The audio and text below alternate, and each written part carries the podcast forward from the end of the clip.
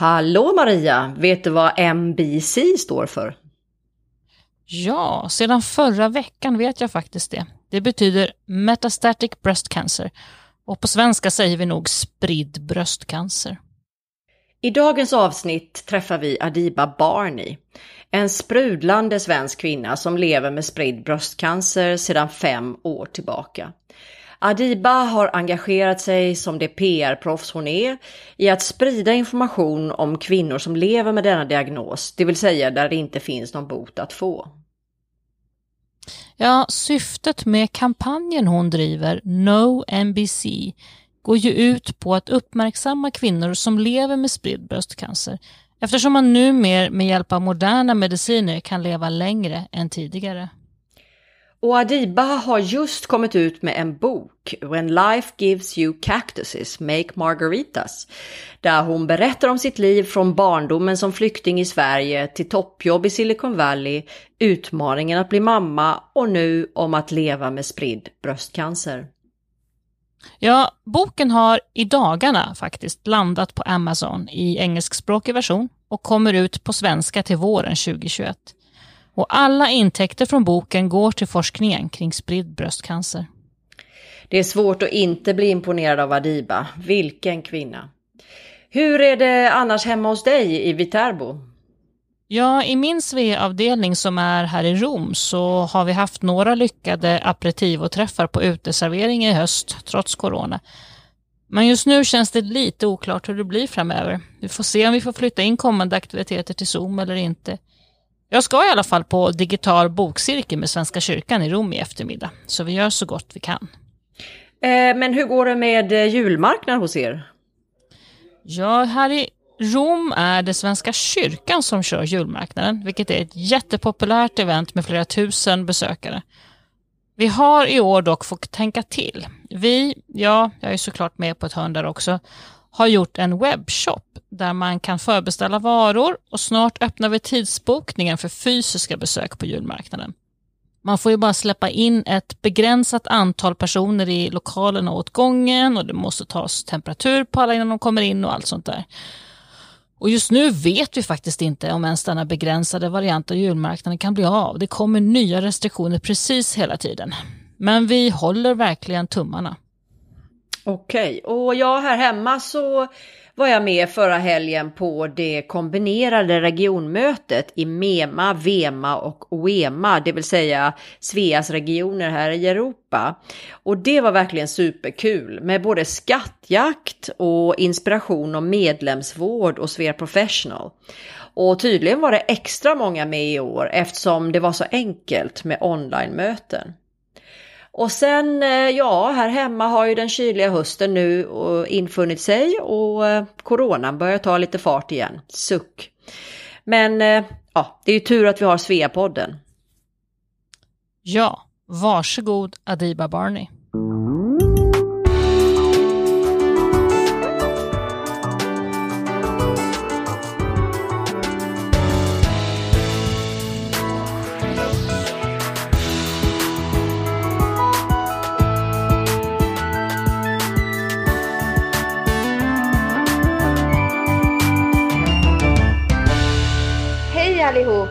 Jag heter Adiba Barney och jag lever i, eller bor i, um, Charlotte, North Carolina.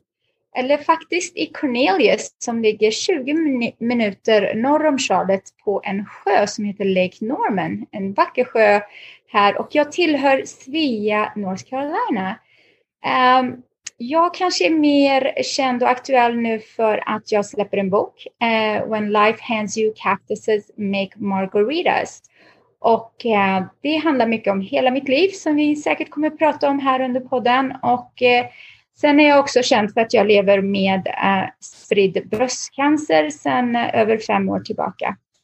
Och jag ser fram emot att ha ett samtal här med alla er. Hej Adiba och välkommen till podden. Tack! Jättekul. Jag såg att du var ute och åkte limousin här med tjejerna i Charlotte häromdagen. Hur ser ditt eh, svenska nätverk ut i North Carolina där du bor? Eh, det är fantastiskt här med, med Svea för att eh, vi, är, vi har ju vårt Charlotte gäng här, eller vi som bor runt Charlotte och ses lite då och då. För mig har det varit lite svårt att ses eh, sedan covid för att jag är en cancerpatient så jag måste hålla mig borta och mer isolerad. Så att jag har missat alla sådana här roliga events och aktiviteter de har hittat på senaste. Men jag tycker det är underbart att, att tillhöra en svensk grupp här av fantastiska tjejer som är väldigt hjälpsamma och supportive och de hejar på mig i min cancerresa och, och skickar vykort och, och, lite små presenter och, och, så vidare bara för att visa sin support och sådär. Och, mm. eh, ja, och vi ska ha en booksigning här snart som kommer upp um, på Zoom för hela Svea North Carolina. Så det är jättespännande. Vad härligt. Känner du dig, jag tänker du har ju en, en mångkulturell bakgrund som libanesiskt ursprunget, uppvuxen i Sverige och nu amerikan. Vad, vad känner du dig som mest? Svensk såklart. jag är nog mer svensk än någonsin sedan jag flyttade till USA framförallt för att eh, jag känner att när man flyttar eh, hemifrån och, och hem för mig är ju såklart Sverige så blir man ännu mer svensk och vill liksom hålla alla traditioner och, och eh, pratar mycket om Sverige. Så att min man är faktiskt ganska trött på att höra hur bra vi är och eh, hur vi är bakom allt i världen och alla bra grejer och sådär. Eh, såklart. så jag, jag, är väldigt stolt över Sverige och eh, mitt hjärta såklart klappar mycket för, för Stockholm och eh, för allt som är svenskt egentligen. Så fort det är någon härlig nyhet så, så sprider jag den gärna bland mina amerikanska vänner. Du valde också att, att tala svenska med din son Alex. Det kändes helt naturligt att, att göra ja. så. Ja, mm. absolut. Jag är ju inte så jättebra på arabiska längre och jag ville framför allt att han ska ha koppling till Sverige för att det är där hans, min familj bor och mm. framför allt. Och att han eh, även efter jag har gått bort ska kunna liksom eh, åka dit och, och känna att det är mitt hem och det att han har den kopplingen och anknytningen till sin mm. mamma genom Sverige. Men jag tänker, om vi börjar från början. Du är uppvuxen i Sverige, men du är född i Libanon. Hur kom du till Sverige? Vad hände? Ja, alltså jag föddes ju under krigets Libanon 1977. Eh, Då hade ju eh, kriget varit igång i två år redan. Uh, så att när jag föddes så föddes jag faktiskt mitt bland bomber. Så att det kan ni läsa i mm. boken, verkligen hur jag kom in i världen. För det var en ganska spännande resa där för när, när jag föddes. Alltså verkligen när förlossningen var. och hur jag kom till världen. Eh, för att eh, vi bodde ju mestadels i skyddsrum under hela min barndom. Och eh, jag var sju år när vi flydde på en smugglares båt för att ta oss till Sverige. Så att det var en, en ganska tuff barndom, helt klart. En väldigt traumatisk barndom för mig. Ehm, och, och, hur vi sen kom, kom till Sverige och hur det var att vara en flykting, en invandrare i Sverige. Och framförallt, jag var ju sju år, så jag var ju redan liksom ganska medveten om, om mycket och och allt från både det fantastiska välkomnandet och, och hur fint det var av Sverige när man tog emot flyktingar på den tiden. Det var ett helt annat sätt än vad det är idag. Det var ju inte så många invandrare då i Sverige och man hade ju jättebra såna här flyktingförläggningar och vi hade till och med en fadderfamilj, en svensk fadderfamilj eh, vårt första år på flyktingförläggning i Sverige och så där, så att vi blev integrerade i samhället.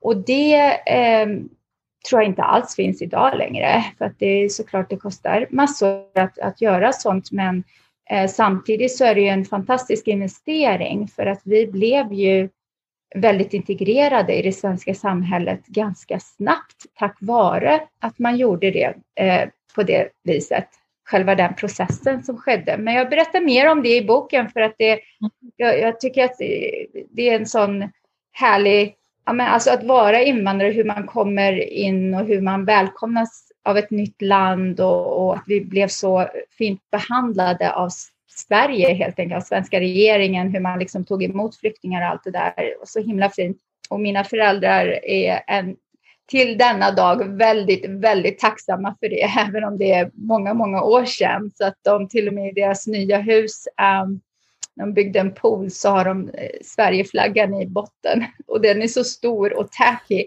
så den syns liksom från Space tror jag. Var hamnade ni till slut? Var familjen sig ner till slut efter alla förläggningar? Ja, för vi, flyktingförläggningen var i Österbybruk, eh, men vi valde faktiskt, mina föräldrar var väldigt eh, smarta på det sättet att de valde att vi skulle bo i en stad som där det inte fanns några invandrare eh, då på den tiden för att eh, och inte var liksom segregerat och så för att de ville att vi skulle verkligen komma in i det svenska samhället och inte bara komma till mini-Libanon liksom. Så vi hamnade i Lidköping, det som i David, inte Lin utan Lidköping vid Värnen, en liten stad i Västra Götaland. Eh, så där växte jag upp hela min, ja, min uppväxt då fram tills jag flyttade till, till plugget. Ja, för sen studerade du vidare. Var började du plugga sen? Eh, jag pluggade på Mälardalens högskola i Västerås. Så det var väl en kanske, ja, fy, nej, hur många timmar var det? Två, tre, tre timmar eller något från eh, Lidköping. Ehm, så det var ju väldigt stor grej, uh, framförallt för att jag växte ju upp i en väldigt kulturellt strikt hem där vi följde då våra syrianska traditioner och hela den kulturen eh, där kvinnor inte lämnar sitt familjehem innan de har gift sig och så vidare. Och ehm, jag då stack iväg för att plugga och bo själv eh, och inte vara gift och allt det där. Så det var väldigt, väldigt stort. och jag kan säga att det var lite som en eh, första gången som det hände i hela vår släkt, liksom, att någon, eh, en, en tjej liksom, bor själv och, och så, ogift. Du, eh, du berättade, jag läste någonstans här om att din pappa var ganska strikt. Eh, ja. Upplevde du eh, att det var besvärligt på något vis det här med att din familj hade en form av kultur och, och så vidare, regler och att svenska samhället hade andra regler. Hur upplevde ja. du det? Ja, alltså det var väldigt svårt um, i min uppväxt just att jag, men, jag, jag hade otroligt kärleksfullt och, och fin, fint hem på det viset. På andra, på andra hållet så var det ju det här att man hela tiden bodde i två olika kulturer. Och även om mina föräldrar var väldigt integrerade i svenska samhället så höll de strikt fast vid sina liksom, syrianska traditioner och eh, just det här för kvinnor och, och, och, man ska veta liksom, sin plats och allt det där. Och, eh, jag som, och, och, och det är det, det är så roligt för min mamma och pappa har fyra tjejer och vi är alla väldigt, väldigt starka individer som är väldigt individuella och och vill ha vår, vår egen frihet så att säga. Så att det var nog tufft för mina föräldrar att, att växa upp med, med oss och ha oss väldigt, just för att vi, vi var ju mer svenska än någonting annat och eh, mina föräldrar försökte få oss att liksom hålla de här syrianska traditionerna. Så det var en tuff uppväxt på det viset och framförallt när vi blev tonåringar för det var då det märktes hur, hur olika det var. Jag menar, jag kunde ju aldrig vara med på några av de här aktiviteterna som skoldiskon och hänga med mina vänner efter skola och sådär. Det, det var ju inte tal om det för att nej, visst, man ska komma hem och man ska vara hemma och man ska inte liksom eh, och absolut inte pojkvänner, det finns ju inte ens på tal om. Framförallt liksom under min tid och sen så blev det ju allt eftersom att tiden gick och jag hade, jag berättar om det i boken hur um, jag, hade, jag skapade en strategisk plan redan som tolvåring hur jag skulle frigöra mig från det här. Men oj! ja, ja. Vad, vad var det för plan då? Vad spännande! Ja, men det får ni läsa om. Nej. Nej, men det, det var ju verkligen att liksom, för väldigt många så, så skulle det nog vara så att man väljer att eh, revoltera, att man liksom ska eh, ja, men fightas med sina föräldrar och, och det är liksom inte och sen det leder till att man inte har en god relation till sina föräldrar resten av sitt liv för att man liksom ja, separerar helt enkelt. Medan jag valde att ja, men följa det de ville och vara mer argumentativ i mina debatter med mina föräldrar istället. Att jag liksom la fram fakta för eh, om jag gör det här så kommer inte det här hända. För det som är i, i hela den här kulturen är heder. Är det syriansk ortodox? Eh, ja. ja. Och det är heder. Va? Det är ju liksom, mm. det de är mest rädda för är att man ska att man ska liksom förlora sin oskuld eller man ska liksom, mm. de ska tappa ansiktet inför andra eh, syrianer och Eh, man liksom inte eh, har, ja, att jag får, man, man får skam över familjen och allt det här. Och det, det liksom försökte jag få min pappa att förstå att genom att jag är liksom min egen individ, genom att jag pluggar någon annanstans och bor, betyder inte att jag blir en, en liksom, för det man att liksom loose, att man är eh, lösaktig om man liksom Eh, gör de här sakerna, utan det betyder bara att jag, jag vill liksom göra något av mig själv, jag vill skapa mitt, mitt eget liv, jag vill inte vara beroende av att en man ska ta hand om mig och alla de här sakerna. Så jag fick göra det väldigt tidigt i min barndom. Eh, och, eh, eller ungdom kan man väl säga. Och då fick jag ju offra alla de här roliga sakerna som andra gjorde i sin ungdom. Så jag blev, fick vara vuxen hela min ungdom helt enkelt. Är, är, det det som, är det det du upplever som är det svåraste när man ska få ihop de här två världarna som kvinna till exempel? Ja, alltså det är ju, det är ju egentligen bara en del av det. Det svåra är ju att få vara sin egen individ, att få ha sina egna liksom, drömmar och vad man vill bli och vad man vill göra för sig själv och inte se sig själv som bara någon som ska gifta sig med någon man. Som, du vet, alltså det... Tror du det är så dina föräldrar helst skulle velat att du bara gifte dig ganska snabbt och började skaffa barn typ? Det är så det? Ja, alltså, ja då, på den tiden var det så de eh, resonerade, för det var så det fungerade för alla sådana här eh, familjer då. Eh, och eftersom vi levde i ett samhälle som var långt ifrån det och mer liberalt och, hade ett fantastiskt kvinno, kvinnligt synsätt och allt det där så blev det ju verkligen en clash. Liksom. Det blev ju mm. väldigt, väldigt eh, konflikt. Det blev ju en mm. konflikt mellan de här två världarna hela tiden eh, på grund av det. Det som gjorde mig väldigt ledsen för att jag hade ju inga andra än svenska kompisar och vi bodde ju verkligen i ett svenskt samhälle så det är inte så att vi hade några andra syrianer att liksom hänga med heller. Eh, vilket var deras val, mina föräldrars val. Right? Så, eh, så att jag liksom såg inte något annat och kände bara att jag blev så, det var liksom så, så fel det som mina föräldrar såg var, var det riktiga Mm. Eh, versus vad jag såg mina vänner och deras mm. familjer och sådär. Så att hela tiden fick jag liksom leva emellan de här två världarna och det var det jobbiga. Eh, du, men du eh, fortsatte i alla fall din egen bana där och, och pluggade mm. och så vidare och, och det var ju marknadsföring och PR som var din grej, eller hur? Ja, eller internationell marknadsföring. Eh, då skulle man väl säga att det är, jag tror att de har det som, det som universitet nu, Mälardalens högskola och det är International Business och Marketing, så att det är lite mer business focus. Och ganska snart vad jag förstod så startade du ditt eget uh, företag. Berätta lite om det. Jag, bodde, jag pluggade ju på Mälardalens och var väldigt, väldigt aktiv i alla kåraktiviteter. Så när jag då var med i näringslivsutskottet så blev jag headhuntad till en science park där och jobbade eh, mycket med tech och allt det där. Det var ju en helt ny ekonomi som kom, eh, IT, eh, nya ekonomin som kom där och internet och allt det där och min skola var inte riktigt i fatt med det. Men... Var det här 90-talet alltså eller? Det här var i slutet på 90-talet, ja precis, mm. under IT-boomen. Så det var ju en jättekontrast i liksom, för jag, var ju, jag pluggade mer traditionellt medan liksom, uh, den här nya världen höll på att hända.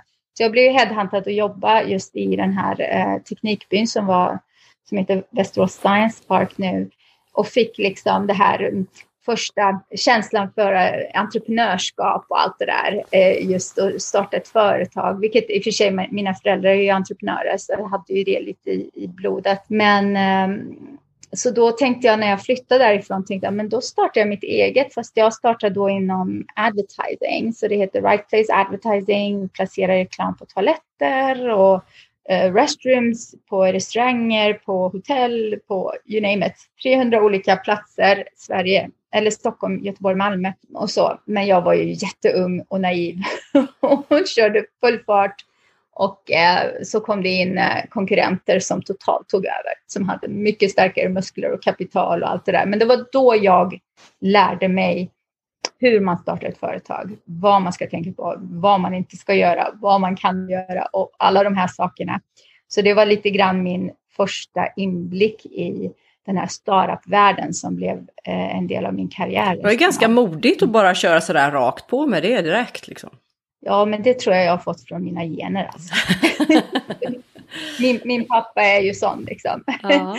Men sen, Så, eh, och sen längre fram här kom det ju att du hade något till företag. Ja, det var långt efter. Jag, eh, när jag hade jobbat i just Science eh, Park-världen och startups och allt det här eh, under en ganska lång tid och under min andra cancerresa, det vill säga jag hade ju då stadie 1, så early stage eh, bröstcancer 2005 när jag var 27 år eh, fick jag min första då, eh, bröstcancer och eh, tre år senare så, kom, så fick jag ett återfall. Det var 2008 och under den tiden så jobbade jag på Kista Science City som är då ja, Sveriges motsvarighet till Silicon Valley då på den tiden för att det var liksom the wireless valley. Det var där Ericsson har sitt huvudkontor och allt det här. Och, eh, så jag jobbar mycket med startups eh, genom eh, Sting som är en inkubator och accelerator där och coachade dem i hur de skulle eh, positionera sig eh, via sitt varumärke, kommunicera, PR, alla de här bitarna Sen när jag då fick mitt återfall 2008 så eh, hade jag lite tråkigt när jag tog cellgifter och eh, kände att eh, ja, men det här är perfekt läge att eh, skapa ett företag. Så då satte jag ihop affärsplan för mitt andra företag, Startup Communication, branding you from the start. Så då eh, applicerar jag egentligen det jag hade gjort med bara startups i Kista till hela landet Sverige. Så att jag åkte runt och jobbade med inkubatorer och acceleratorer över hela landet och fick se innovationer i hela Sverige. Det var fantastiskt. Alltså vad, vad vi kan åstadkomma um, i det lilla land vi har uh, med, med sån liten befolkning och så mycket innovation och, och, och fantastiska produkter och lösningar som tas fram av um, de här startups som vi har i Sverige. Är, ja, det kan vi vara stolta över allihop i hela världen. Jag säga. Och då mm. kom du ju på den där idén. Ska du berätta om det, den här som du höll på med sen? Ja, um, så 2009 då um, när jag hade jobbat med mitt företag i uh, ja, kanske ett halvår eller så. Efter jag hade sett så mycket fantastiska företag så tänkte jag att ja, men, varför vet inte världen om det här? Varför är vi liksom inte kända för det här worldwide? Eh, när man tittar på hur Sverige rankades i varumärkesrankning, för alla länder eh, har också ett varumärke, det vill säga landet i sig självt, ett geografiskt varumärke. Och eh, nationsvarumärken kallas de. Nation brands. När jag tittar upp vad Sverige var känt för när de kör sådana här eh, stickprover överallt i världen så var det mest eh, att det var grönt, att det var alltså grön environmental, uh, miljövänligt och allt det där. Det var kultur, det var musik, fashion. Ingenstans var det om innovations och tech, high tech. Vilket år pratar vi om nu alltså? Ja, nu var jag 2009 då. Så under våren där så tog jag fram, jag, jag eh, tog reda på vem som var varumärkesansvarig för Sverige. Och det är Svenska institutet som eh, jobbar med att öka kännedom om Sverige eh, worldwide, internationellt och de har liksom ansvaret för varumärket på det sättet. Och så jag pratade då med han som var varumärkesansvarig där på den tiden och eh, du bara typ ringde upp eller? Ja, jag bara, du, jag, jag har en idé. så kan jag komma och pitcha den till er? Så då fick jag faktiskt in ett möte, för jag småpitchade den till honom på telefon och han tyckte att det, det lät ju väldigt, eh, eller om vi, träffade, vi träffades nog först, mitt minne är så. Men, eh, Och då satte han ihop tio personer i, i en, ett konferensrum som hade olika roller inom SI då.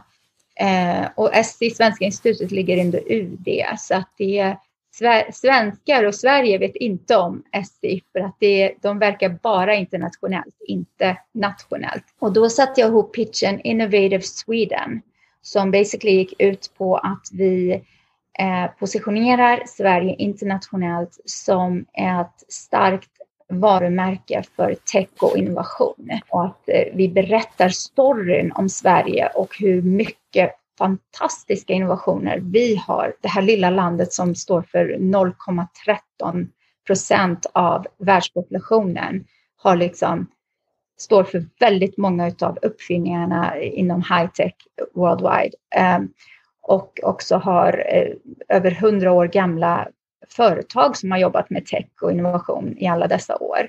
Som Ericsson bland annat, eller bland andra. Så då satte jag ihop det här eh, och det blir en roadshow på fyra år tänkte jag, eller på roadshow att man åker runt i eh, olika länder globalt och eh, promotar då Sverige genom att visa upp exempel på nya techföretag i en typ showcase och eh, sen så berättar man storyn i det här och paketerar det eh, vackert och, och, och så. Eh, och sen har man då program i varje land man kommer till tillsammans i samarbete med de lokala då, eh, eh partnerna. Plus reklam då och sådär också eller? Ja, alltså det var ju eh, varje ställe man kom till så, så kör man ju väldigt mycket, ja, kommunicerar ut det här då till det landets olika kanaler och sådär, mycket media och, och sådär. Inte köpt reklam utan mer PR mm. eh, och, och, så. Men framför allt att skapa relationer och samarbeten eh, med eh, ja, olika företag, forskningsinstitut och sådär. Vilken grej att du kom in så med ett sånt stort projekt för Svenska institutet. Jag menar, du var ju inte jättegammal, eller hur? Nej, ja precis. Nej, men alltså det, för, för mig var det ju, alltså jag är ju alltid som sagt var så stolt över Sverige och eh, allt som händer där och, och just framförallt innovation och för att jag hade jobbat så länge då vid, den, vid det laget och sett vad vi kan göra eh, och tyckte att det var synd att inte vi, världen kände till det. Så att, det var väldigt lätt för mig. Och jag tror att det är väldigt mycket min, eh, mina libanes eller syrianska liksom, gener är att jag inte ser något hinder där utan jag bara okej, okay, jag har en idé och presenterar. Bara kör. Ja, vi kör bara. Eh, och, och, så, och framförallt för att jag hade ett eget, mitt egna företag. Jag behövde inte göra det genom eh, någon annan så att jag kunde styra och, och, besluta själv vad jag ville investera i det här. Eh, för det var ju en jättestor investering för mig att eh, all den tid som jag spenderade innan jag blev anlitad till att faktiskt köra det här. Det var du då eller hade du ett gäng anställda också? Nej, då var det bara jag. Soloshow? Eh, det var senare när vi kom till Silicon Valley som jag eh, anställde. Ja, och så vips så var du där då i Silicon Valley. Hur hände det? Det är en eh, lite längre story, men eh, så en av mina kunder, eh, SU Innovation, Stockholms innovationsinkubator eller vad man nu ska kalla det, Eh, som hjälper då startups som kommer utifrån Stockholms universitet. Ehm, ja, det var, de var en av mina kunder som jag jobbade mycket med och de frågade om jag ville följa med på en, ett studiebesök till Silicon Valley. Och för mig då som har jobbat i tech och startup-industrin eh, i så många år var liksom, Silicon Valley var ju lite som high, ja, det var ju liksom meckat för oss. det var ju liksom det som vi benchmarkade mot hela tiden och ja, det var bara den här liksom drömmen, va? Det, det här eh, fantastiska stället, eh, guldägget. Eh, så då ehm, sa jag ju självklart följer jag med på studieresa till Silicon Valley en vecka och lär känna hela det systemet där. Då följde jag med där och första dagen basically när jag kom dit och bodde på hotellet i San Francisco och tittar ut över liksom hela stan inser att wow, jag har kommit hem. Det här kändes som att det var där jag hörde hemma på något vis. Alltså det är så konstigt det där när man får den här känslan. Alltså Sverige har ju alltid varit mitt hem, men jag har också alltid varit lite för mycket för Sverige. Jag har alltid varit lite, ja men too much, jag har varit lite för framåt, jag har tagit för mig för mycket. Alltså jag har lite varit äh, mina personliga egenskaper. Får man inte, får man inte göra det i Sverige menar du eller? Alltså man, man är ju lite mer försiktig med saker i Sverige och man är ju lite mindre liksom Alltså som individ, att man liksom tar för sig. Man tar för sig mer som grupp eller liksom framförallt under min tid. Jag tror att det är mycket generationen som är nu är bra mycket mer framåt än vad eh, det jag växte upp med i just techbranschen. Jag fick ju alltid känna att jag var liksom den här som kanske, jag blev lite så här nedtystad ibland. alltså, Eh, så, och, och, kände väl inte riktigt att jag fick vara den jag ville vara. Du, när du, det var, var intressant att du säger så. Är det, var det, känner du det av andra kvinnor eller av män eller rent generellt av alla möjliga? Men det var rent generellt i liksom arbetslivet, ja, men i kulturen överlag att jag Ja, alltså det är, ju, det är ju lite så att man, när, man, när man är inte, att man har liksom en annan kultur bakom sig. Och, för jag var ju väldigt syriansk i mitt agerande, i min liksom personlighet, i mitt uh, ta för sig och hela det här, uh, inte vara rädd uh, och, och alla de här sakerna. Och det klaschade lite med det svenska sättet att göra saker, där man liksom tar väldigt bra tid på sig att få konsensus från alla och man kör lite middle way, liksom det här lagom och att jag var ju inte lagom, jag är inte en lagom människa liksom. Så jag ville ju liksom flyga när andra ville bara liksom springa lite lätt. Det gick ju inte alltid. Är det svårt att vara riktigt dynamisk i Sverige tror du, som person? Jag tror att det är mycket lättare nu. Eh, jag, märker, jag har verkligen märkt den här skillnaden faktiskt på den generationen som kom efter oss. Eh, att det är ett helt annat sätt och det tror jag har väldigt mycket tack vare social media, tack vare att vi har så många bra förebilder för entreprenörer idag med Spotify och, och Skype och alla de här företagen, King och de som eh, kom och tog för sig och gick ut i världen och verkligen ja, blev liksom globala stjärnor och unga entreprenörer som visar att man kan. Eh, även om man är svensk och i lagom landet så kan man flyga mm. liksom. Mm. Eh, och så det tror jag har varit väldigt bra för eh, den generationen som växer upp i Sverige idag, entreprenörer, och mm. få ha de här förebilderna. Mm. Ehm, så det, det har förändrats, men på den tiden kändes det inte att jag kunde flyga där jag var. Utan jag blev lite mer ned, ned så.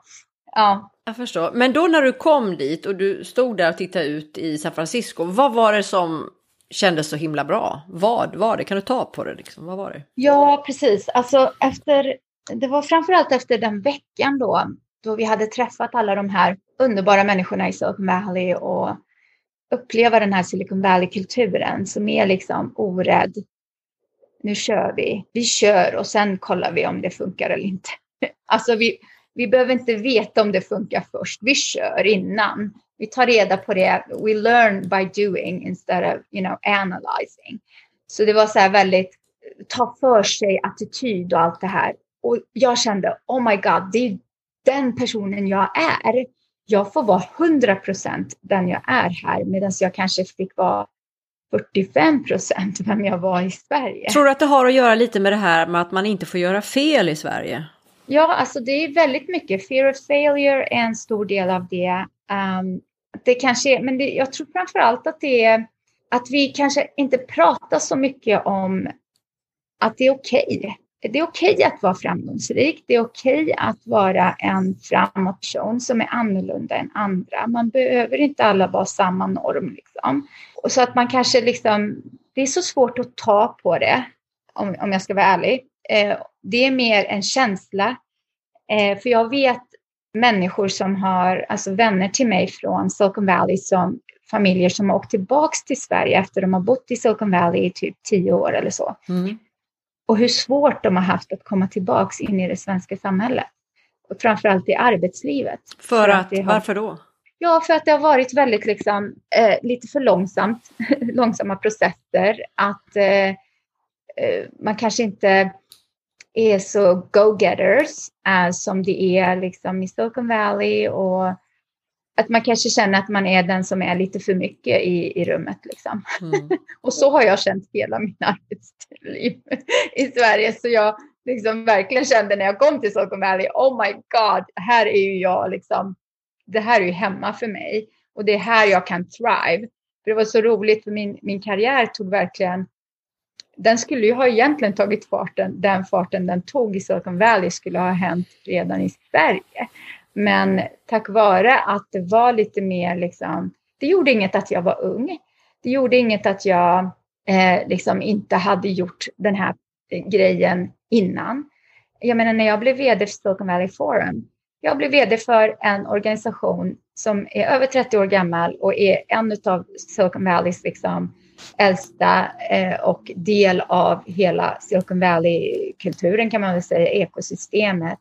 Och de har bara haft 60-plussare eller äldre eh, vd innan. Här kommer jag som är i, i, i vad var jag då, liksom 35 eller något. och äh, är från Sverige och har bara bott där i, i, ett par år vid det laget. Och hade, men det de tittade på istället var vad har jag gjort för resultat? För det är bara det som räknas. alltså mitt år, år, hur många år jag är, alltså hur gammal jag är, hur många år jag har jobbat eller hur. Det spelar ingen roll. Det som spelar roll är vad har jag levererat? Så att det är därför du ser 20-åriga eh, supermänniskor här liksom, som har skapar billion dollars companies och sådär. För att man tittar inte på det. Man tittar på vad den här personen kan leverera. Men du, vad var, din, vad var din roll där? Vad var det du gjorde där? På det här uh, Silicon Valley? Uh, jag var vd för, uh, för ja, så att jag uh, jag roddade ju såklart, såg till att vi... Eh, det, det jag blev anställd för och varför de anställde just mig var för att det här, den här organisationen hade varit fast i sina eh, old ways of doing things i Silicon Valley. Det var inte, de hade inte anpassat sig till den här nya generationen av tech-entreprenörer som kommer. De hade inte internationaliserat, gått globalt. Ehm, så jag tog in allt det här. Eh, jag ehm, eh, förnyade, föryngrade organisationen och jag tog dem ehm, globalt, det vill säga jag började, vi började samarbeta med över 50 länder för att hjälpa deras ekosystem, innovationsekosystem att lära sig av Silicon Valley för att eh, utveckla sina egna innovationsekosystem hemma i sina länder. Och det var allt från liksom Afrika till eh, Singapore till um, ja, Japan eller eh, Kazakstan. Så vad, så vad var syftet med det här företaget? Att, att skapa någon sorts mässor eller, eller att sprida? Framför allt vad, eh, vad vi gjorde var att eh, vara lite som en, ett spindel i nätet för att få de olika aktörerna i Silicon Valley att samarbeta kring olika frågor. Eh, vi tog fram eh, techtrender och skapade content på det som stora konferenser och, och mässor, seminarier och så. Det var en av våra arbetsuppgifter med våra partners. Um, men sen framför allt att liksom applicera Silicon Valley-kulturen, ekosystemet på andra eh, länder, nationer och hjälpa dem.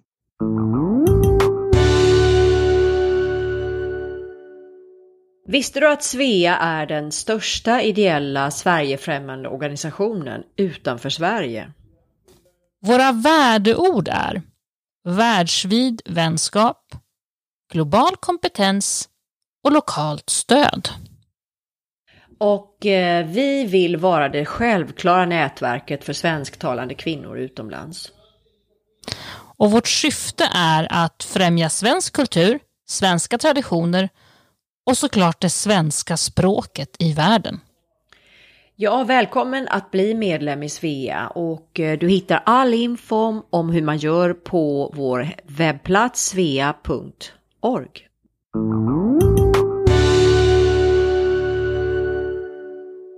Men sen här, när du var där då på plats i, i San Francisco så började det bli dags att bilda familj för du träffade Chris. När jag hade bara bott i uh, San Francisco i typ sex månader. Um, för jag flyttade ju dit då för att köra Innovative Sweden, framförallt när jag hade ändå flyttat dit oavsett, 2011. Och eh, i mars 2011 och sex månader efter det så gick jag med på Match.com för att jag ville ju lära mig hur man dejtar i USA. lite så här datingkultur. Så den är lite mer seriös. Tinder är lite mer hookups. Okej.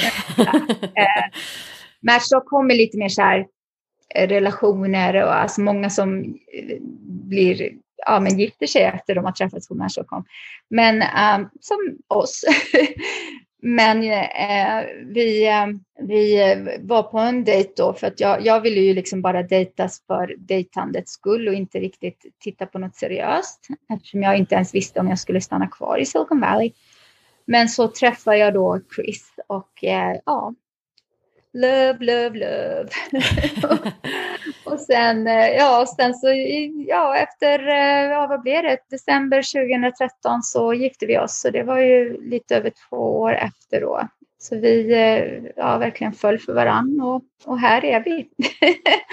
Vår kärlek frodades och vi ville ha en liten baby.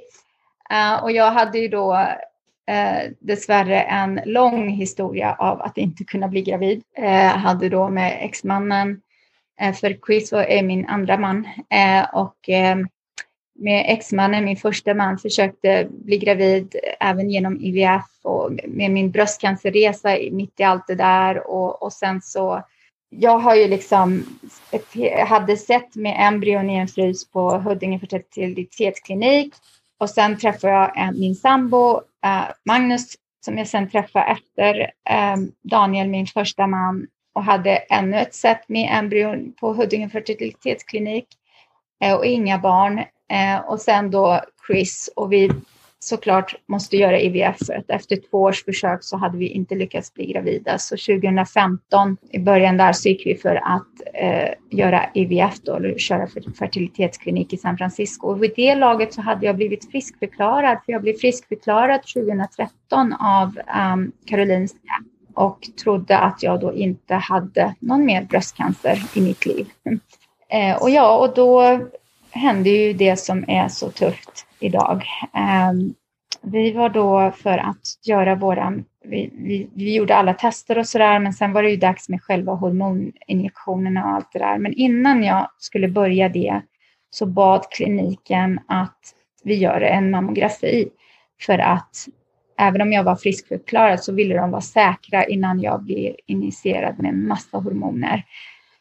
Och det är jag otroligt tacksam för idag att de bad mig att göra det, för det var då vi upptäckte att jag då också hade haft spridning i min kropp av min förra bröstcancer eh, och att jag nu var stadium 4, eh, det vill säga den obotliga och dödliga eh, spridd bröstcancer. Och det kan ni läsa alltid hur det hela gick till, men ehm, så det blev ju inga barn såklart, utan det blev ju då, eh, ja, tänka på hur länge man har kvar att leva och ändra hela sitt liv igen kan man väl säga för att karriäradiba kunde ju inte hända längre heller och allt det där som jag hade jobbat för hela mitt liv eh, spelade ju ingen roll i det här läget. Eh, och för mig och Chris var det ju helt enkelt, ja men det var ju en dödsdom liksom jag hade fått. Eh, och de sa att jag kanske har två till tre år att leva. Hur, hur kändes det att ta emot ett sådant besked? Alltså he, hela världen rasade ju för att det... Att få en dödsdom sådär och när man är så ung framför allt och mitt i livet och mitt i liksom precis träffat kärlek och gift sig och ska ha barn och skapa familj och hela det här. Alltså man ser ju hela sin framtid framför sig som inte kommer hända. Alltså i början var det ju bara chock. I början ville jag inte riktigt ta in att det var hände. Både jag och Chris var ju bara, vi kunde inte ens ta in det. Det var, det var för mycket. Det var för mycket att tänka att jag skulle dö liksom. Men sen så var det ju att, ja men vad, vad gör vi? Vad gör vi nu? Eh, vad, vi har kvar den här tiden, vad, hur ska vi spendera den? Liksom, och vad, så att man får en helt annat perspektiv på livet, man får ett helt annat perspektiv på nuet, eh, alltså att leva i nuet. Um, och då bestämde ni er ändå för att ja, men vi ska fortsätta med vår plan att, att skaffa barn helt enkelt, när det hade kommit ur den chocken? Ja, för att eh, så, så vad som hände är att, så det här var då 2015, och jag fick eh, börja en ny behandling helt enkelt. Och det, det var det som gjorde att vi kunde börja tänka på att jag kommer leva längre än de här två, tre åren. Vad var det för behandling? Den heter Ibrance um, och det är en ny oral, cell, orala cellgifter som är, man tar i tablettform. Men de är inte som de här andra cellgifterna man känner till när man är tidigt stadie bröstcancer, utan det här kallas CDK inhibitors. Eh, och de, är helt, de var helt nya på marknaden. Eh, tack vare en massa forskning så har man då kommit fram till den här nya drogen och sättet att angripa cancerceller som har eh, spritt sig då vi upptäckte ganska snabbt att den här funkade jättebra på mig för att jag blev helt tumörfri. Så jag hade inte wow. en enda tumör i kroppen längre. Uh, och min onkolog sa det att uh, du, du verkligen funkar skitbra på dig det här. Uh, jag tror att den här kommer att uh, fungera för dig ganska länge. Och jag tror att du, ska, du kan börja tänka lite mer om du har lite framtidsplaner eller era, eh, i, i ert liv så ska ni nog tänka på att ni kan kanske göra det.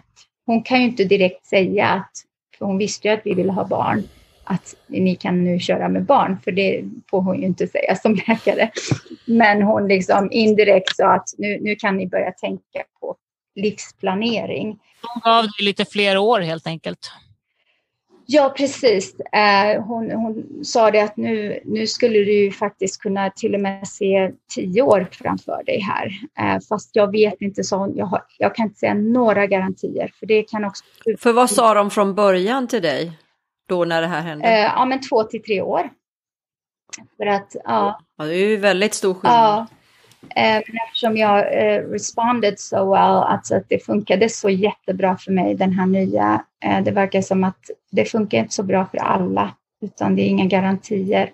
Medianöverlevnad på den, eller progression free survival på den drogen är 22 månader och jag eh, hade den i, den fungerade för mig i nästan tre och ett halvt år. Så det var väldigt bra. Eh, så det är så det fungerar för oss. Så vi sätts på olika behandlingar. Och för vissa så fungerar de inte alls och man får nya tumörer hela, uh, eh, right away, och vilket betyder att man får en progression. Och så sätter man på en ny behandling tills det inte finns några behandlingar kvar. Eh, så därför är det så viktigt med forskning, inte för att hitta ett botemedel utan för att komma fram med nya behandlingar. För ju fler behandlingar vi har, desto längre kan vi leva. För vi läggs på, in på en ny behandling varje gång den gamla inte fungerar längre. Och varför de inte fungerar är för att cancercellerna blir resistenta mot behandlingen. Så de börjar då bilda tumörer och det är progression. Men för mig blev de inte resistenta på tre och ett halvt år, vilket var jättebra. Eh, men och vad hittade du på då? Ja, då i alla fall så Eh, för de ville ju ta ut mina äggledare, för jag var ju tvungen att bli klim, eh, total klimakterie Eh, och alltså inte ha någon östrogen i kroppen alls, inga hormoner. Så de ville ta ut mina äggledare, men innan det hände så bestämde vi oss, och det här var innan vi beslutade att vi skulle ha barn eller så, eh, för det var ett jättestort beslut att ta när man har en dödlig sjukdom. Eh, men då, innan de tog ut mina äggledare så bad vi att vi, jag kunde få ut några ägg om det fanns några. Men jag kunde inte stimulera så mycket med hormoner så de fick ta vad som än fanns i mina äggledare helt enkelt, som var synliga. Så de tog ut tre ägg. Alla de tre äggen var jättebra kvalitet. Så det var ju fantastiskt. Och hur gammal var du då vid den här tidpunkten? Då var jag, ska vi se, ja, men 37, 38. Så jag var ju ganska eh, gammal vid det här laget, så mina ägg var ju väldigt gamla. Eh, men de var ändå väldigt bra kvalitet. Um, och så de gjorde embryos av dem och sen så fick vi ha dem i frysen helt enkelt tills vi bestämde oss för vad vi skulle göra. Så när jag, det var ett år till och Ibrans fortsatte fungera så började vi då tänka, ja men nu kanske vi, vi kan göra någonting av det här. Så då tittar vi på surrogatmöjligheter. Jag vet att det är väldigt eh, något som i Sverige kanske inte tillåts och, och är ja, men olagligt vad jag förstår det som.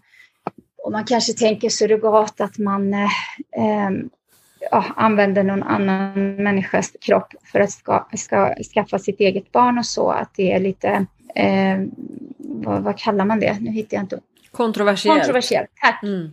Jag visste ju då, för vi gjorde väldigt mycket research och Kalifornien har ju då gjort surrogatprocesser i väldigt många år tack vare att det är väldigt gay-friendly.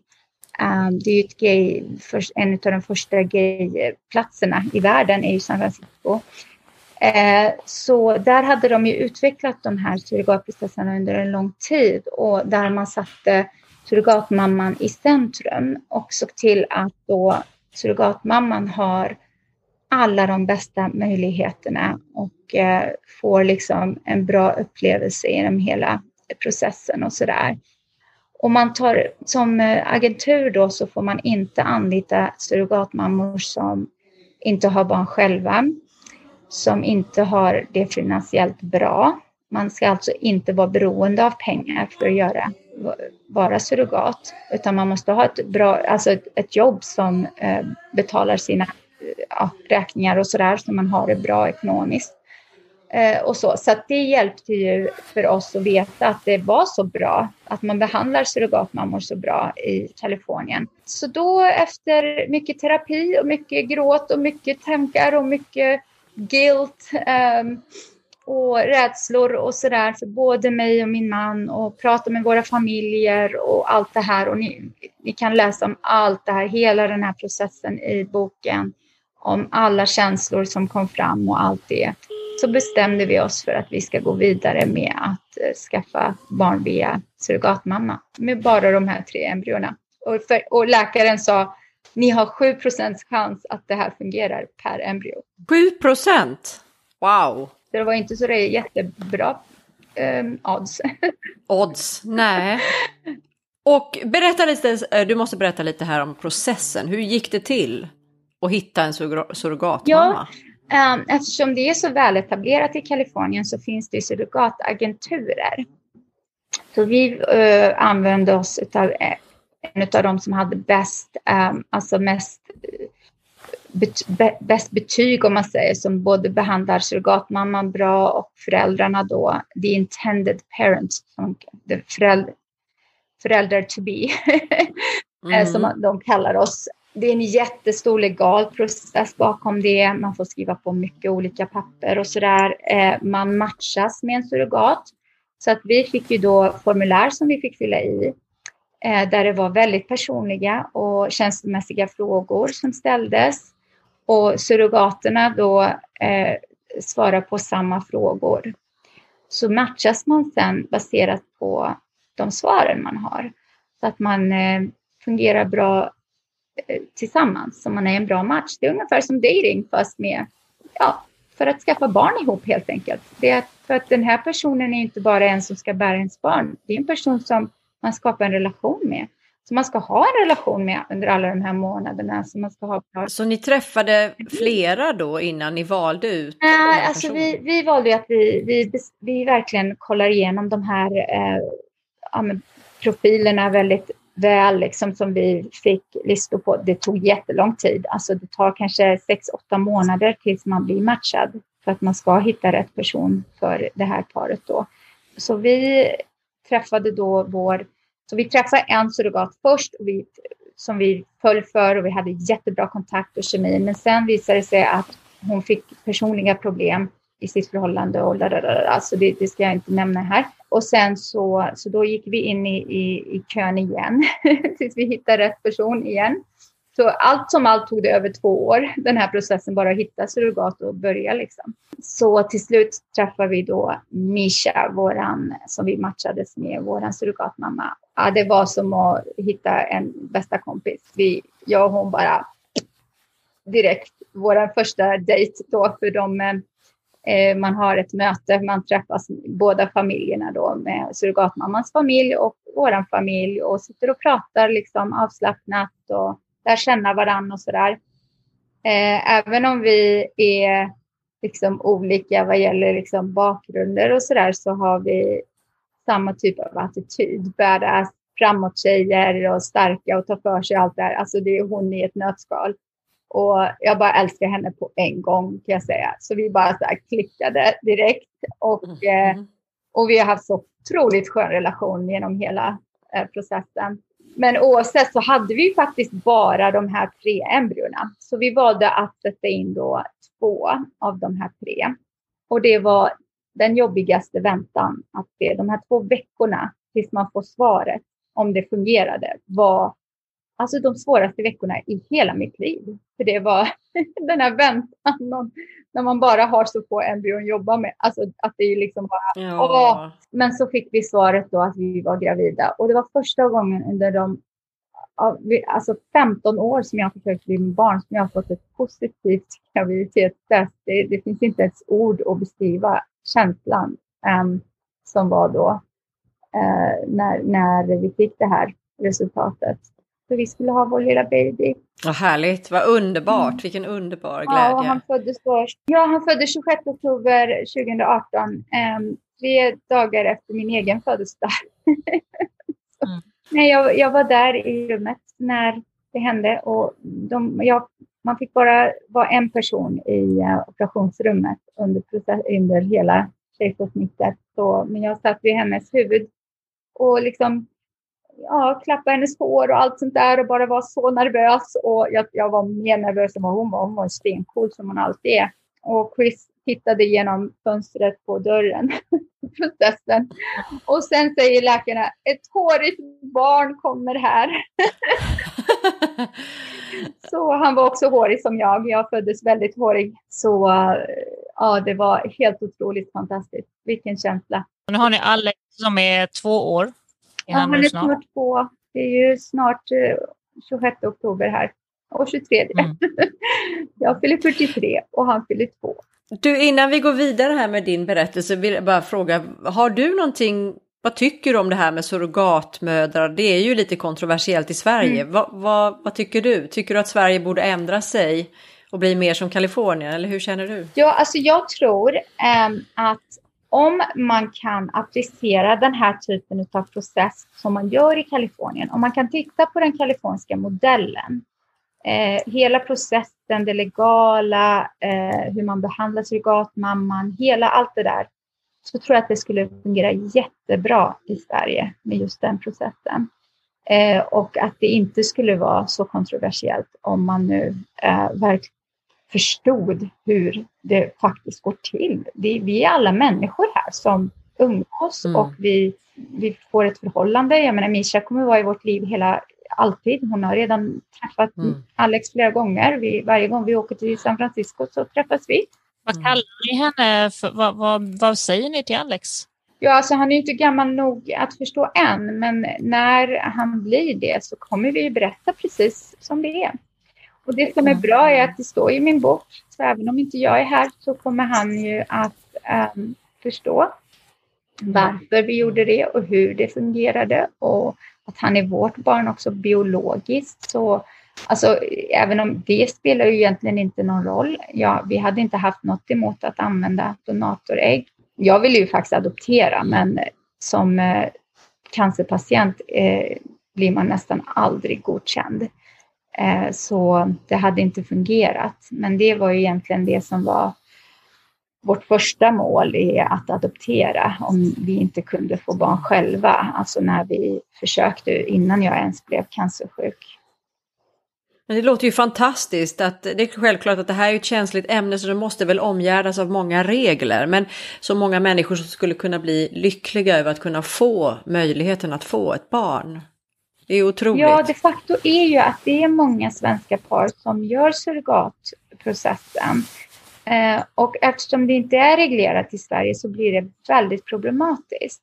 Framförallt för att man kanske åker till länder som inte har de här reglerna eller inte har den här processen på plats och man kanske faktiskt utnyttjar människor på grund av det för att man inte har mm. så bra koll, man är så långt borta från det landet och dess eh, regelsystem och, och, struktur och kultur och allt det där.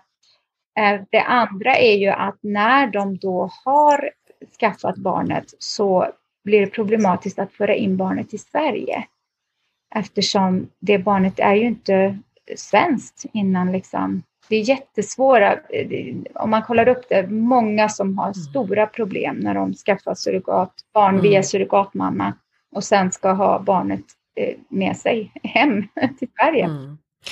För sen som du sa också när vi pratade innan här att, att det är många kvinnor som så gärna vill hjälpa personer som till ja. exempel du och din man i den här situationen.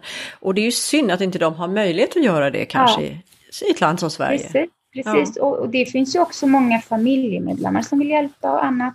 Så att även det mm. är ju liksom svårt. Så att det måste finnas någon typ av, man kan ju faktiskt lägga upp det, är ju bara att ha några advokater i rummet, ha några som är socialarbetare, ha några som är liksom, och få ihop en grupp och, och, och sätt igång en process och, och, och, hur man gör det så kommer det gå jättebra. Sverige har ju alla mm. förutsättningar för att det här kan bli riktigt successful för att vi är så mm. bra på humanitära, humanitära frågor. Men du, eh, sen har ju du engagerat dig väldigt mycket i det här med människor som lever med metastatisk bröstcancer, det vill säga bröstcancer som har spridit sig. Mm. Berätta lite om ditt engagemang eh, för det. Kanske många här inför det här avsnittet har till och med tittat på din eh, Instagram. Ja. också, vad, vad, vad är skillnaden så där tänker jag? Eh, jag menar, vi, vi är ju i oktober nu och rosa bandet och bröstcancer och alltihopa det här. Men det här med metastatisk bröstcancer, det funkar lite annorlunda. Berätta. Jag tror inte alla fattar riktigt skillnaden Nej, och hur det ser ut. Ja, det är ju en av de stora eh, problemen där ute just nu faktiskt. Jag säga, är att det är så mycket missvisande information om just eh, bröstcancer. Så, alltså bröstcancer har blivit så rosa och skimrande och glammigt och det är överlevarhistorier och det är hit och dit. Och väldigt få vet, och jag visste inte det heller när jag hade tidigt stadie bröstcancer, eh, är att bröstcancer är inte dödligt när det är i bröstet.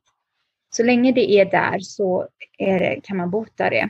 Men 30 procent, ungefär 30 procent av de som har haft tidigt stadie, jag hade jättetidigt stadie, jättesmå tumörer som var bara i bröstet, man såg ingen spridning till lymfkörtlar eller någonting.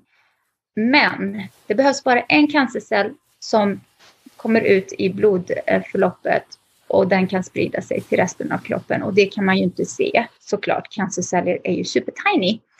Ehm, så det kan ju ta år innan det då utvecklar sig till tumörer i andra delar av kroppen. Ungefär en tredjedel av de som har haft tidig stadie kommer att få spridd bröstcancer så småningom. Det kan ta 5, 10, 15, till och med 20 år innan det händer. Och för mig tog det ju 10 år från min första diagnos och 7 år från min andra, mitt återfall. Eh, så även om man är friskförklarad så finns alltid risken att man får spridd bröstcancer så småningom. Och det är ett problem där ute att man inte får eh, kroppsröntgen. Man, man kollas ju bara uppföljning med mammografi och då ser man ju inte spridning i kroppen. Det är ju liksom bara... Men att, att, att, patienter som så att säga har blivit friskförklarade, när de får nya uppföljningar så är det bara mammografi man, man gör då? Mm. Och under hela den tiden innan man blir friskförklarad också så är det bara mammografi eller ultraljud beroende på, men bara brösten kollas. Är det samma i USA ja, som i Sverige? Ja, där?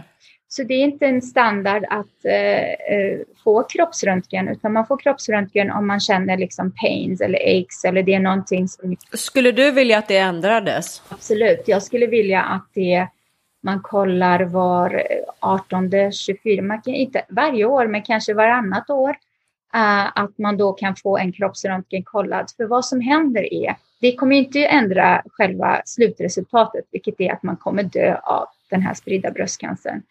Men det, kommer, det kan ändra hur många år man får eh, leva. Och det är ju jätteviktigt. Eh, så för mig var det ju, det upptäcktes ju av en olyckshändelse som sagt för att vi skulle eh, skaffa barn och, och annars hade jag ju aldrig kollat eh, min kropp. Liksom. Och ni kan höra vad, vad, vad som hände finns i boken. Det är en lång story. Jag hade ju då en tumör, en av mina tumörer i ryggraden var så stor och tryckte mot min ryggmärg och den var millimeter från att komma ut i min, i min ryggmärg och förlama mig. Och jag blev halvt förlamad eh, efter eh, en strålningsoperation som gjordes för att försöka få bort den här. Eh, så jag har fortfarande än idag ingen känsel på min vänstra sida. Eh, och jag hamnade i rullstol i ett år och la la la la, la många sådana grejer. Eh, men eh, jag kan gå idag, vilket är jätteviktigt att säga. Eh, och jag är jätteglad för det, men det var jättejobbigt att, att börja det. Men hade, det, hade jag inte upptäckt det så hade jag kanske upptäckt det först när det har gått ut i min ryggmärg eller när jag har blivit så, har så mycket tumörer så att det, min kropp har börjat fallera redan. Det har gått ut i alla mina organ. Jag är liksom månader från döden att upptäcka spridningen tidigt är ju bättre än sent. Så därför vill jag. Men det jag skulle vilja säga om då rosa och allt det här, för det är viktigt. För jag jobbar ju mycket här i USA som advocate, patient advocate och vad det betyder är att jag är ute och sprider mycket, känner och ökar kunskap om just eh, spridd bröstcancer. Um, metastatic breast cancer och jag har kört en kampanj nu själv eh, som heter No NBC, K-N-O-W-NBC.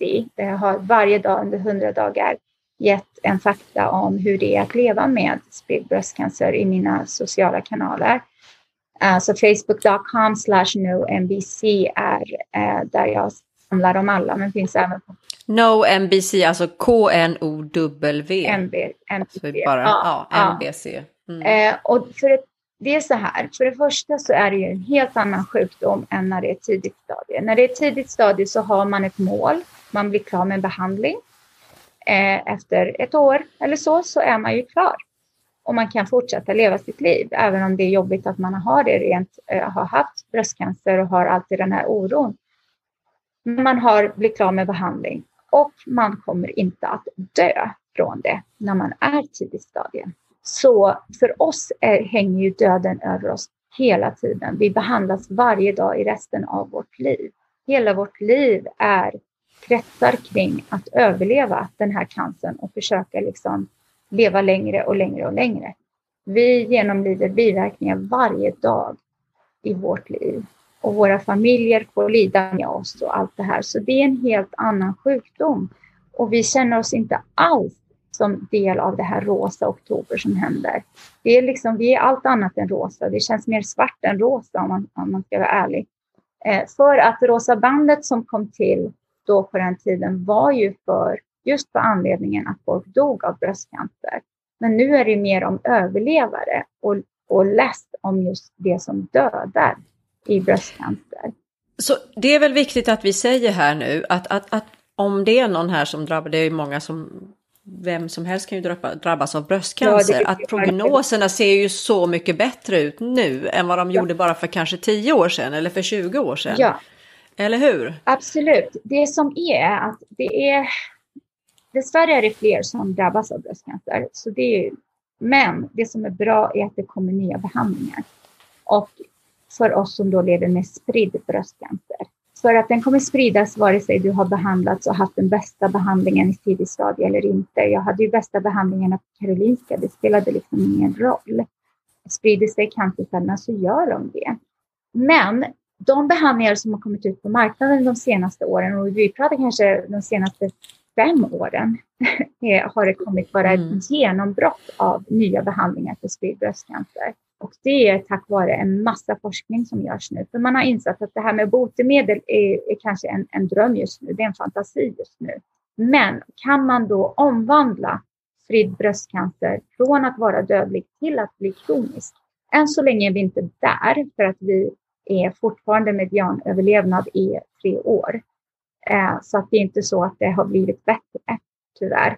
Men det är väldigt många som, jag menar jag är en av 22 22-25 procenten som har levt mer än fem år efter diagnos.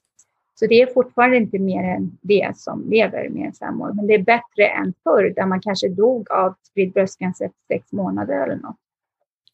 Har du ändrat ditt liv på något sätt eh, nu när du lever med det här?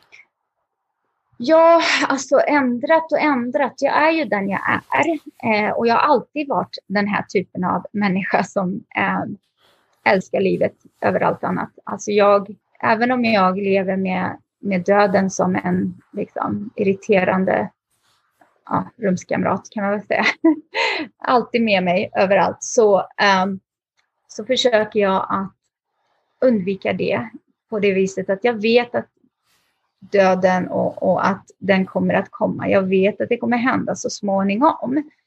Men jag försöker att inte tänka på det. Och jag brukar säga för de som lever då med spridd bröstcancer och har den här dödsångesten att eh, jag fick jättebra tips av en terapeut när jag hade dödsångest.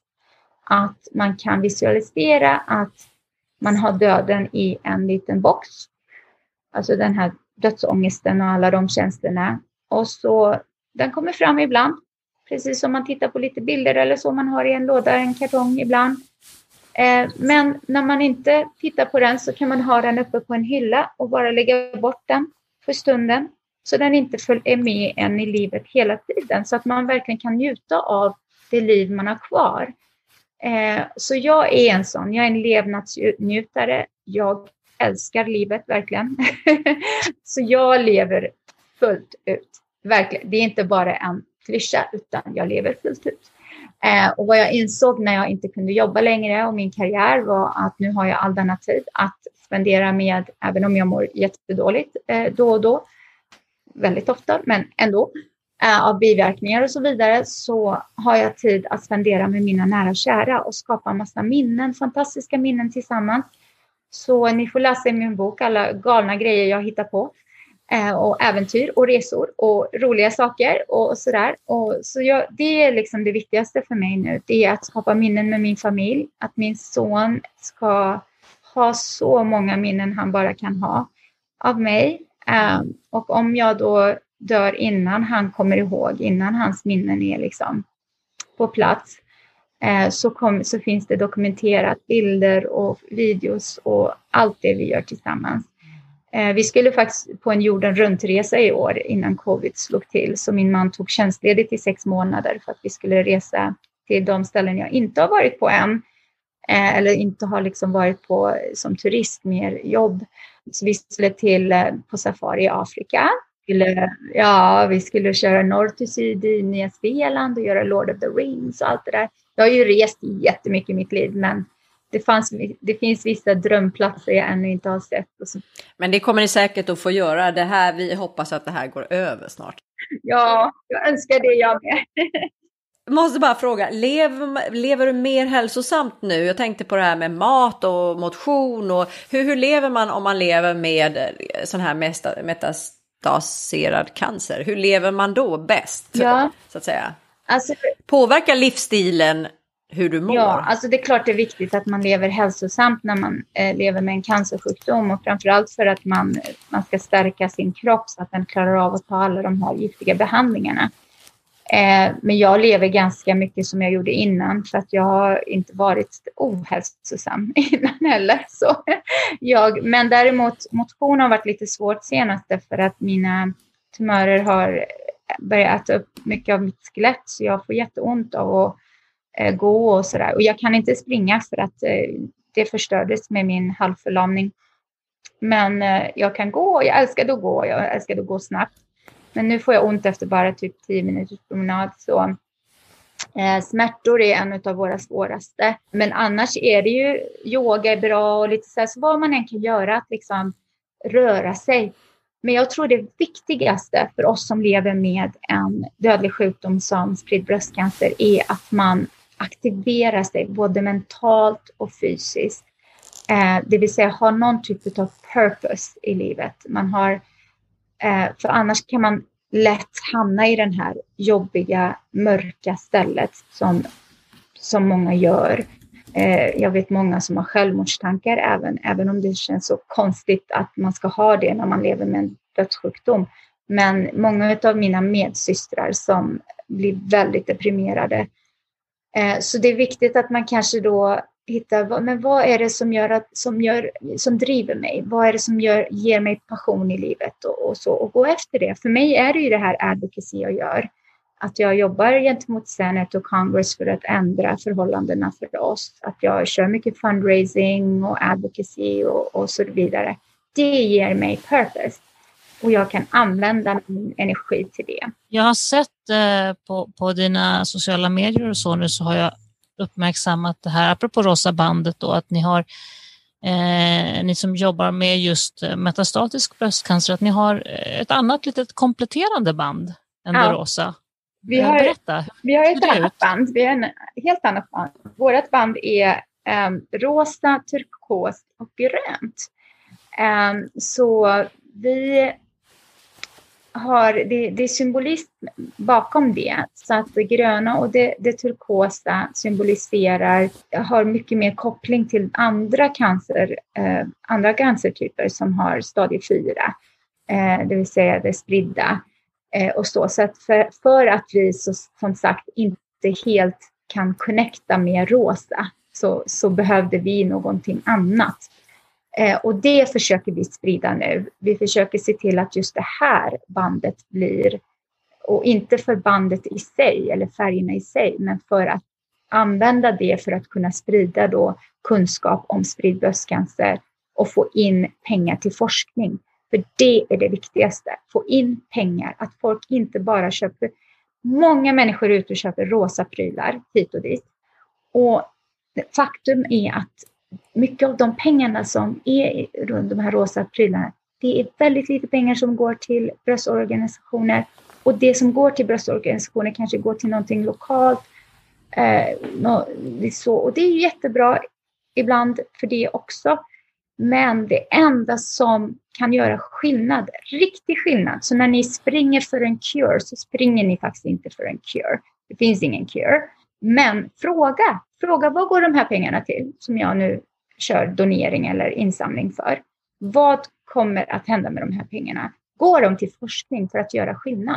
Har du något tips på vart, om det är någon som lyssnar som är intresserad av att stödja just forskning för, för bröstcancer och, och så vidare, vad, vad, tycker du man ska, ha något tips? Ja, alltså det enda just nu som där 100 procent utav pengarna, 100 procent, inte ens liksom ett öre till admin eller något, 100 procent av pengarna går till forskning för spridd bröstcancer är Metaviver som jag då jobbar volontärt för.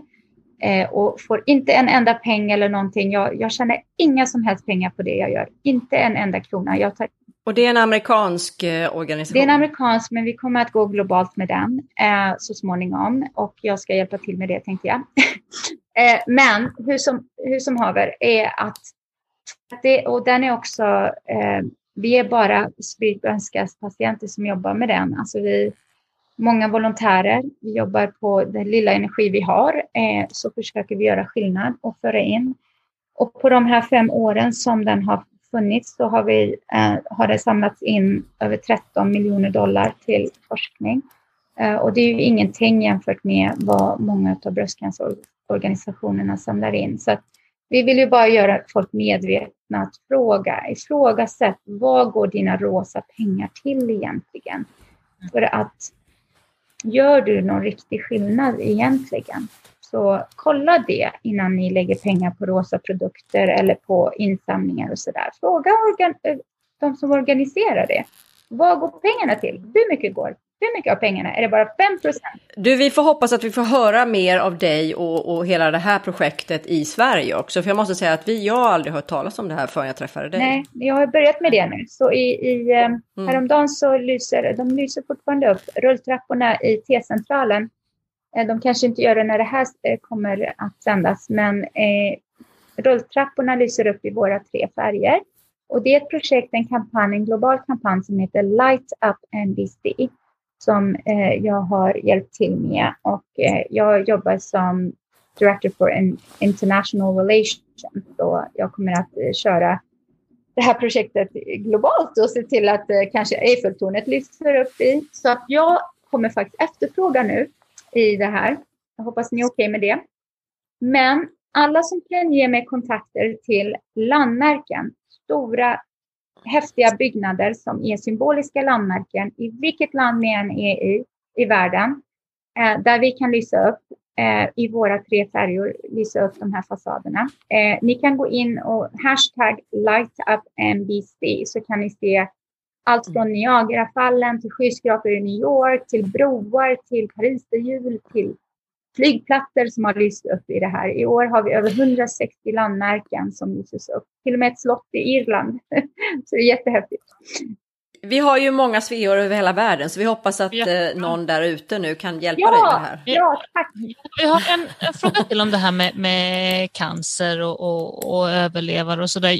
Jag har noterat att i många diskussioner kring, kring när man drabbas av cancer, vilket är, vilken sort det än är, oavsett om det är bröstcancer eller någon annan, så, så pratar man om det här med att man eh, kämpar mot cancer och man vinner, respektive oftast då i dödsannonser står att man har förlorat den kampen mot cancer. Och jag har alltid tyckt att den här vokabulären känns lite knepig. Eh, hur, hur tänker du kring det här? Ja, alltså faktum är att vi som lever med det här hatar det där. Uh, varje gång eh, det står i media står det lost their battle to och precis som du säger. Det är, för det första så är det ju ingen rättvis kamp till att börja med för att uh, vi har ju ingen chans mot cancern. Hur mycket vi än kämpar, det är inte vårt fel att vi dör. Och det är så vi känner som lever med det här att om vi då förlorar kampen så är det vårt fel att vi har dött av den här cancern. Och jag tror inte de som skriver det menar det. De menar ju att oj, vi är kämpare och we're warriors, battles, woo, fight, fight, fight. Men vi som lever med det ser det inte så. Vi ser det så att vi får guilt. vi känner att det är vårt fel då, att vi har gjort något fel och det är därför vi, vi dör. Eh, mm. Så det är faktiskt en av de här terminologies eller vokabulären som vi skulle vilja ändra där ute så att media slutar skriva det och framförallt för de som har dött så att inte deras familjer liksom känner, alltså det är väldigt viktigt vad man skriver och framförallt då vi är många som är unga kvinnor med små barn som kanske inte förstår. Så när de läser det, vad ska de tänka och allt så man får... Hur vill du att man ska prata om det istället? Mm. Nej, alltså jag tycker man ska skriva levde med och cancern tog dens liv. Det är cancerns mm. fel, det är inte mitt fel. Jag har inte förlorat någon cancer, utan cancern tog mitt liv. Den stal den från mig. Så det är så det ska vara istället. Så sätt, sätt skulden på cancern och inte på patienten. Nej, just det. Mm. Mm. Man tänker nog inte på det där om man inte är i den Nej, situationen kanske. Precis. Tack så mycket för att du ställde den frågan. Den är väldigt viktig för mig. Och sen du, eh, boken här. Det är ju fantastiskt att du har skrivit en bok som kommer ut här nu i dagarna bara. Eh, jag tror dagen efter vi släpper podden här så kommer boken ut. Är det så? Ja, den kanske till och med är ute innan. Eh, jag håller på att få sista grejerna här så vi kanske får ut den inom ett par dagar bara. Vi får se. Alltså inom. Berätta hur du, hur du, kom, berätta hur du kom på idén att skriva bo, en bok.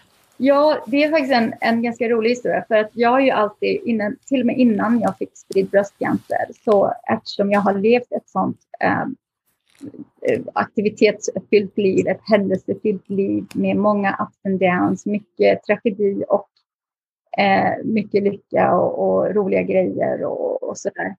Så många vänner till mig, kollegor som har sagt, ska du inte skriva en bok? Det skulle vara så intressant och, och liksom för folk att följa och de kan bli inspirerade och, och sådär. Och jag liksom, ah, nej, inte så mycket att skriva, alltså så. Och sen plus att jag är ju ingen författare. så jag kände inte att det var liksom... Men sen så fick jag ju då spridd bröstcancer och då eh, mina väninnor som eh, i Sverige då, mina bästa, bästa vänner, de är helt underbara. Eh, de skickade mig en care package, eh, en, en, stor kartong från Sverige där det var 24 presenter. Det här var i december så det skulle leda upp till eh, jul då. Och varje dag så fick jag öppna, det var lite som julkalender fast med presenter från dem. så varje dag fick jag öppna något och det var typ något svenskt då som jag kopplar till hemma. Eh, och eh, i en av paketen så var det en notebook, alltså en skrivbok. Och i den första sidan jag öppnade då så hade de skrivit titeln på min bok, för de visste att det är den här titeln jag alltid velat ha. When life hands you cactuses, make margaritas. Börja skriv här. Och jag bara, hmm, okej, okay, jag kanske ska börja då. så då började jag skriva och eh, skrev och skrev och skrev och sen så men innan, innan jag började skriva så ville jag ju kolla lite om folk verkligen skulle köpa en bok. Jag skrev det på Facebook. Ah, jag ska nog skriva en bok och så här är titeln och så här. Och då började ju kollegor och andra som jag har lite runt om i världen säga ja, och kan man förbeställa och da, da, da. Men jag har ju inte ens en bok att förbeställa. Det gör inget, gör bara en typ en covers och så förbeställer vi. Så då började en Indiegogo-kampanj och eh, tog in 13 000 dollar eh, på förbeställningar av boken. Så det var ju självklart då att jag behöver nog skriva en bok. så jag började skriva och skriva och skriva och sen så tog det bara stopp. Och det här var fyra år sedan. Det var som att jag kände att någonting saknades i, i boken. Och, eh, så, och det är klart att på den tiden då så var ju inte det här tal om ens barn och så. Så att eh, eh det var... Ja, det var innan Alex ja, kom? så storyn om Alex fanns ju inte då. Så att eh, det var inte tid att eh, skriva klart boken då. Så då eh, ja, spola fram tiden till nu och för några månader sedan då så sa nej, men nu ska jag, och så tog jag hjälp av eh, ett företag som har hjälpt mig liksom med hela content creation, att liksom paketera det som en bok med design, interior design och så där. Så har jag väninnor som har gjort cover design och fotograf här och Eh, och sen så har jag tagit hjälp av en riktig författare som har hjälpt mig med um, att... För jag, jag skriver typ som jag pratar. Jag är väldigt liksom så. Men att göra det, paketera det lite fint, mina ord, så att det funkar i en bok. Eh, och eh, ja, så då skrev jag klart och jag kan säga att det är det mest utmattande jag har gjort någonsin. Det var så jobbigt. men så roligt, men också en känslomässigt jobbigt. För jag fick gå igenom hela mitt liv från dagen jag bodde i Libanon till nu. Eh, mm. Och eh, jag har gråtit och jag har skrattat och jag, medan jag skriver. Liksom. Det har varit väldigt jobbigt känslomässigt att skriva boken men, och fysiskt, men är så glad att det är gjort och framförallt att jag nu har något att eh, lämna över till min son. Att han kan ha hela min story, för det är ingen annan som kan berätta min story bättre än mig själv.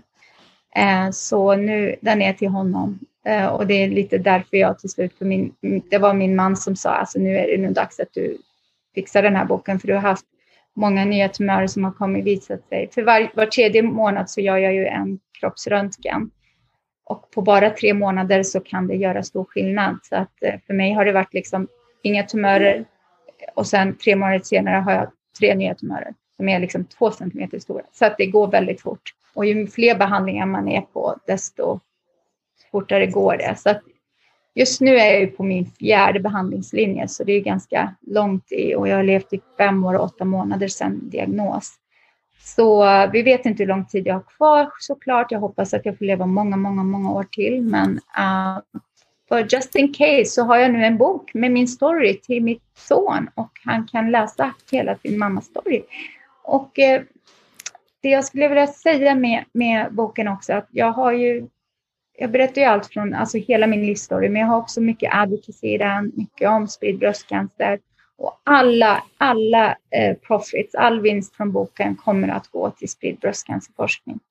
Så jag kommer inte göra en peng på det här för att jag vill inte göra pengar. Det kostar mig faktiskt mer än vad jag får för att jag har bekostat så mycket. För er som vill beställa den här boken så kommer den ju att säljas via Amazon på engelska då i hela världen från och med nästa vecka. Vi lägger länkarna såklart i, mm. i texten till podden. Mm. Mm. Men det som jag såg också häromdagen, det var ju att eh, den kommer att dyka upp på svenska nästa år. Ja, det var en förläggare som eh, eh, jag blev connectad av min bästa väninna Jessica i Sverige med en, för hon driver ett BNI-nätverk i Stockholm och eh, en eh, hon har pratat med en författare och förläggare som har skapat något som heter Tallbergs förlag i Stockholm. Det är lite annorlunda förlag som eh, vill liksom eh, bara eh, publicera litteratur som kan eh, fungera som förebilder för minoritetsgrupper. Eh, så, och jag gillar verkligen deras koncept och så. Men hon connectade oss för att jag var nyfiken på hur det fungerar att publicera en bok i Sverige. För att jag tänkte göra det själv. Så jag hade lite frågor till honom. Så det var inte ens tal om liksom, eh, förlag och så. Men så eh, att de skulle publicera. Eh, och så ville han att jag berättar storyn. Så jag berättade hela storyn. Eh, det tog ett tag. och eh, han blev ju jätteförälskad i min story och sa skicka boken till mig. Eh, jag bara, ja den, är, den har inte gått igenom proofread än, korrekturläsning, mm. men jag kan skicka råmaterialet till dig. Eh, så det gjorde jag och eh, fick ett fantastiskt svar tillbaka och att han vill publicera boken. Det här förlaget vill publicera boken. Så nästa år, våren 2021, så kommer den ut i Svensk Bokhandel på svenska. Vad härligt! Och du, jag läser här lite om den här boken att det står så här, det är min glädje och min passion för livet och att man ska leva som att det inte finns någon, något slut. Mm. Eh, är, är det någonting som du känner? Känner du så varje dag? Mm. Jag brukar säga att jag lever, så på, på engelska är det um, I live like there's no tomorrow and like I'm gonna live forever. Så att det är liksom en, en kombination. Så att jag lever med hoppet om att jag kommer att leva länge. Men jag lever också som att jag kommer dö imorgon. Eh, vilket är en, eh, att jag lever i nuet. Eh, jag tar vara på alla stunder jag har.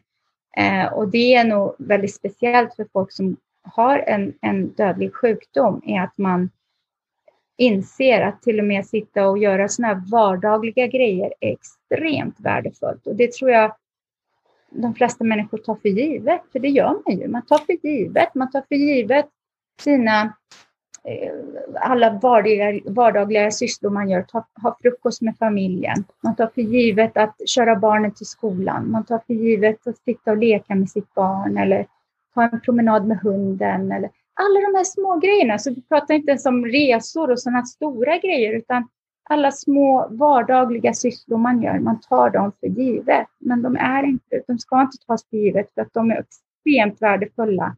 Så om det är någon, någonting positivt som har kommit ur den här sjukdomen så är det kanske att du har fått den här känslan för mm. att livet är så värdefullt. Kan man säga, kan man säga Absolut, så? och den känslan fick jag ju faktiskt till och med innan eh, spridd för att jag har ju då eh, haft många sådana tuffa stunder i mitt liv så jag har alltid fått tänka på livet och hur jag lever och sådär. Så, så det har ju varit en combination av, alltså det har liksom, eh, vad säger man, combinate, alltså det har liksom, alla de här sakerna har fört med sig att jag nu lever på det här sättet. Så alla mina erfarenheter genom livet som ni läser om i boken.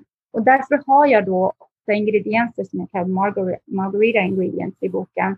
Som egentligen är då åtta olika sätt jag har levt mitt liv som har då hjälpt mig att kunna hantera en sån här sjukdom och kunna hantera att leva på ett sånt sätt som jag gör i mitt liv är de här åtta ingredienserna. Så att jag har liksom tagit med dem i boken och, och för att kunna hjälpa andra att eh, hantera eh, tragedier i livet, vad det än är. Det behöver inte vara en dödlig sjukdom. Men det jag tror också är en sak som jag faktiskt alltid har haft som inte bara är nu när jag har spridd bröstcancer är att jag sätter inte så mycket tyngd eller vikt i små saker.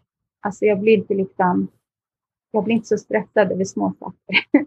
Utan, eh, och det är ju som sagt det är erfarenheter i livet som har gjort att eh, jag har kommit till den. Att I, I don't give a shit about the little things, brukar jag säga. Mm. Mm. För det betyder ju ingenting egentligen i det stora hela. Men eh, du, det har varit en stor ära här för oss att få prata med dig idag. Du är en fantastisk människa från så många eh, olika sidor och synvinklar. Så vi har fått lära oss mycket av dig och du är en otroligt imponerande person. Och eh, jag tror både Maria och jag ser fram emot att läsa den här fantastiska boken. Och vi hoppas att våra lyssnare här kommer att nu följa dig på och din resa här med, med spridd bröstcancer. Och vi ska dela alla dina sociala eh, kanaler. Eh, Adiba Barney på Instagram till exempel och det här No MBC. Ja, tack snälla. Ja, jättetack för att jag fick vara med och att, att ni, ja, ni vill höra min story här. Och jag blir väldigt inspirerad av att höra andra också i hela världen hur de lever och så. Så att jag ser fram emot att höra fler av de här poddintervjuerna ni gör med olika fantastiska kvinnor worldwide. Och ja, vem det än är där ute som kanske lever med spridd bröstcancer eh, och har frågor. Jag har blivit lite av en expert på frågan så att eh, jag hör gärna av er. Jag är väldigt publik i alla mina kanaler så det är bara att branda mig och, och adding och hej och hå och skicka eh, meddelanden och ställ frågor. Eh, jag finns här för er också. Eh, så ja, jag ville bara säga det, att det finns alltid någon att hjälpa och att hålla handen, även om det bara är digitalt. Tack Adiba för allt du har lärt oss idag. Tack ska ni ha. Tusen tack. Ja, det var jätteroligt det här. Tack. Tack för att du har lyssnat. Den här podden är inspelad och producerad för Svea International av Anna Brill och Maria Schacki. Musiken är skriven för Svea av Fredrik Åkerblom. Sveapodden finns nu på de allra flesta ställen där du hittar poddar. Eh, Apple Podcasts, Google Podcasts, Spotify, Acast och alla de här. Om du saknar något ställe, skicka ett mejl till oss på sveapodden gmail.com. Mer information om Svea hittar du på vår webbplats svea.org och i sociala medier där vi finns på Facebook, Instagram och LinkedIn och där hittar du oss som Svea International.